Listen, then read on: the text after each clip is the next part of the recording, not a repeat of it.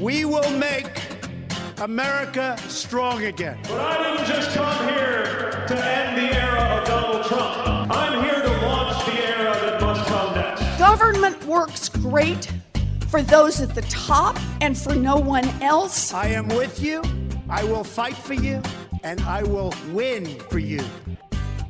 Een andere aflevering dan normaal, want afgelopen nacht was het Super Tuesday. 14 staten met bijna 130 miljoen inwoners gingen naar de stembus. Onverwachte winnaar werd Joe Biden, wiens kandidatuur wederop is gestaan. Welkom bij de Holland-Amerika-lijn. Mijn naam is Victor Pak en in 15 minuten praat ik je samen met onze Amerika-correspondent Emiel Kossen helemaal bij over Super Tuesday. Hi. Hoe was het afgelopen dinsdag? Ja, het was, uh, het was een klapper voor, uh, voor Joe Biden. Um, ik was in Virginia, waar uh, de Biden-campagne een, een campagne-evenement had, een, een, een watch party. En um, eigenlijk een minuut nadat de stembussen dichtgingen daar, werd meteen bekendgemaakt dat Joe Biden er zou winnen. Dat, dat betekent meestal dat je er wint met een heel groot verschil. En ja, dat was het begin van een, van een uitstekende avond voor de oud-vicepresident. En wat je zei, dat hadden we, nou pak een een week geleden, niet, niet verwacht. Nee, niemand had het echt uh, zien aankomen. Ik zei ook al dat, hij, dat zijn campagne wel uit de dood lijkt herrezen. Hij doet weer helemaal mee. Hoe goed was de avond precies voor hem? Nou ja, er gingen um, uh, 14 staten tegelijkertijd naar de stembus en Joe Biden won er 9 van. Um, dat waren een aantal staten waarvan we hadden verwacht dat Biden niet zou winnen, maar ook een aantal verrassingen. Uh, Massachusetts bijvoorbeeld, waar senator Elizabeth Warren vandaan komt. En die won daar dus niet, die werd er zelfs derde. Um, Biden won ook in, um, in Minnesota en uh, hij won nipt in Texas. Um, Sanders die, die won ook een aantal staten en hij won in Californië, de grootste prijs van allemaal. En uiteindelijk, nadat uh, alle gedelegeerden zijn opgeteld, zal Joe Biden een kleine voorsprong hebben op Sanders. dus dat is, uh, dat is verrassend. Dat heeft de race helemaal op zijn kop gegooid. Maar het is niet gezegd dat Biden nu wint. Want ja, het, het wordt een tweestrijd. Het wordt Biden tegen Sanders. Die tweestrijd voeren zij zelf ook al. Laten we even luisteren naar hoe ze klonken afgelopen avond. It's a good night. And it seems to be getting even better. They don't call Super Tuesday for nothing. And when we began this race for the presidency, everybody said it couldn't be done. Beide klinken ze hier echt vol vertrouwen en claimen ze de winst. Um, dan ontstaat er eigenlijk een tweestrijd. Hoe zie jij dat voor je? Ja, beide claimen zo. Dat hoort er een beetje bij. Hè? Uh, Joe Biden is de winnaar van de avond. Uh, Sanders deed het minder dan verwacht. Maar goed, het is waar dat hij, um, dat hij uh, grote groepen kiezers aan zich blijft trekken met die revolutie die hij predikt. Dat wordt een beetje de tweestrijd. Je hebt de revolutie van Bernie Sanders, die enorme overheidsinvesteringen wil, wil doen om zijn socialistische systeem uh, op poten te zetten in Amerika. En aan de andere kant is er Joe Biden, die met zalvende woorden eigenlijk Amerika wil lijmen. Uh, hij wil terug naar vier jaar geleden, toen Barack Obama nog president was. Um, de komende tijd gaan, uh, gaan we naar nieuwe staten. volgende week dinsdag zijn er weer zes aan de beurt. Dat zijn relatief kleine staten, met uitzondering van Washington State, waar Bernie Sanders het waarschijnlijk goed gaat doen.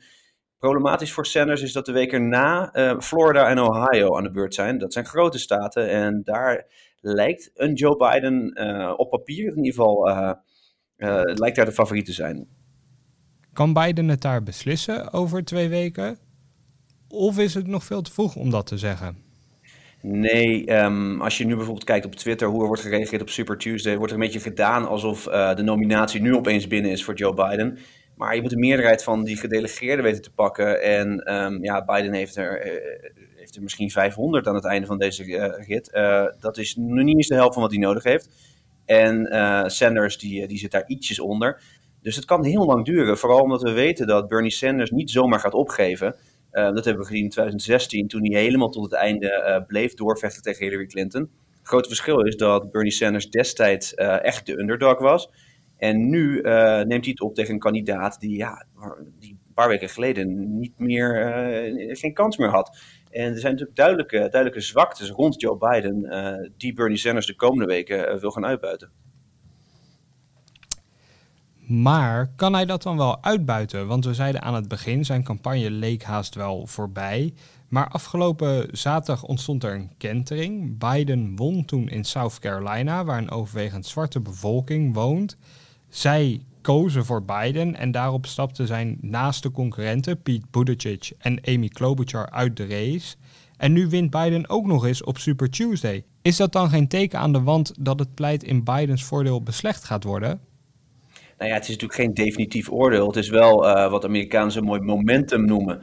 En dat is heel veel waard. Momentum betekent dus dat je een beetje in vorm raakt eigenlijk. Um, stel dat er mensen morgen moeten, uh, moeten stemmen, uh, in, in welke staat dan ook. Dan is de kans groter dat Joe Biden daar wint, omdat hij nu uh, Super Tuesday mee heeft. Maar goed, wat je zegt, Bernie Sanders die, die claimde ook de overwinning. En het is niet niks om, om in California die enorme staat uh, ja, zo even uh, eh, 200 plus delegates op te gaan pakken. Want dat doet Sanders op dat moment dan weer wel. Dus het is, het is nog niet beslecht. Um, en we weten natuurlijk dat Sanders heeft, uh, heeft een, een, een, een supportersgroep die heel erg uh, actief is, heel erg activistisch is en die ook daadwerkelijk komt opdagen.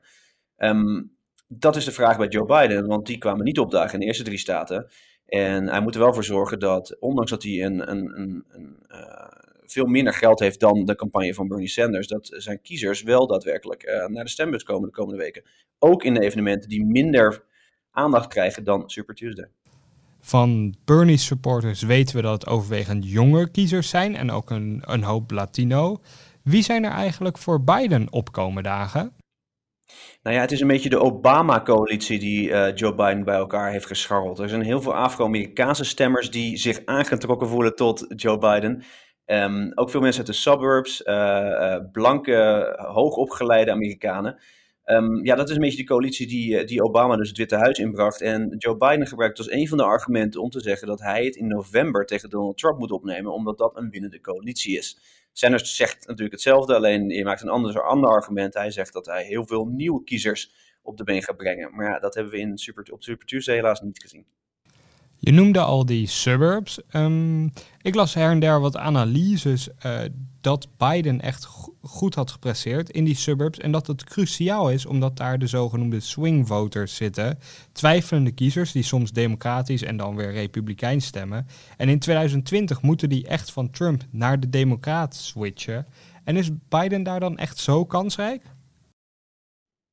Ja, het is een beetje uh, laaghangend fruit geworden, omdat uh, juist die groep kiezers, bijvoorbeeld in de staat als Virginia, um, helemaal niet blij is met wat Donald Trump doet. Um, als je iets meer geld hebt, is de kans wat groter dat je op een republikein stemt, in beginsel. Alleen onder Trump uh, lijkt dat te veranderen. En dus is er een mogelijkheid voor een kandidaat als Joe Biden om, ja, om die kiezers te trekken. En um, dan is het, het stemgeluid van Joe Biden, het gematigde stemgeluid, dat is aantrekkelijker dan het stemgeluid van Bernie Sanders, die, uh, ja, die revolutie predikt. En, en daar zitten uh, veel mensen in die suburbs, in ieder geval wat ik hier kan zeggen, vanuit Northern Virginia.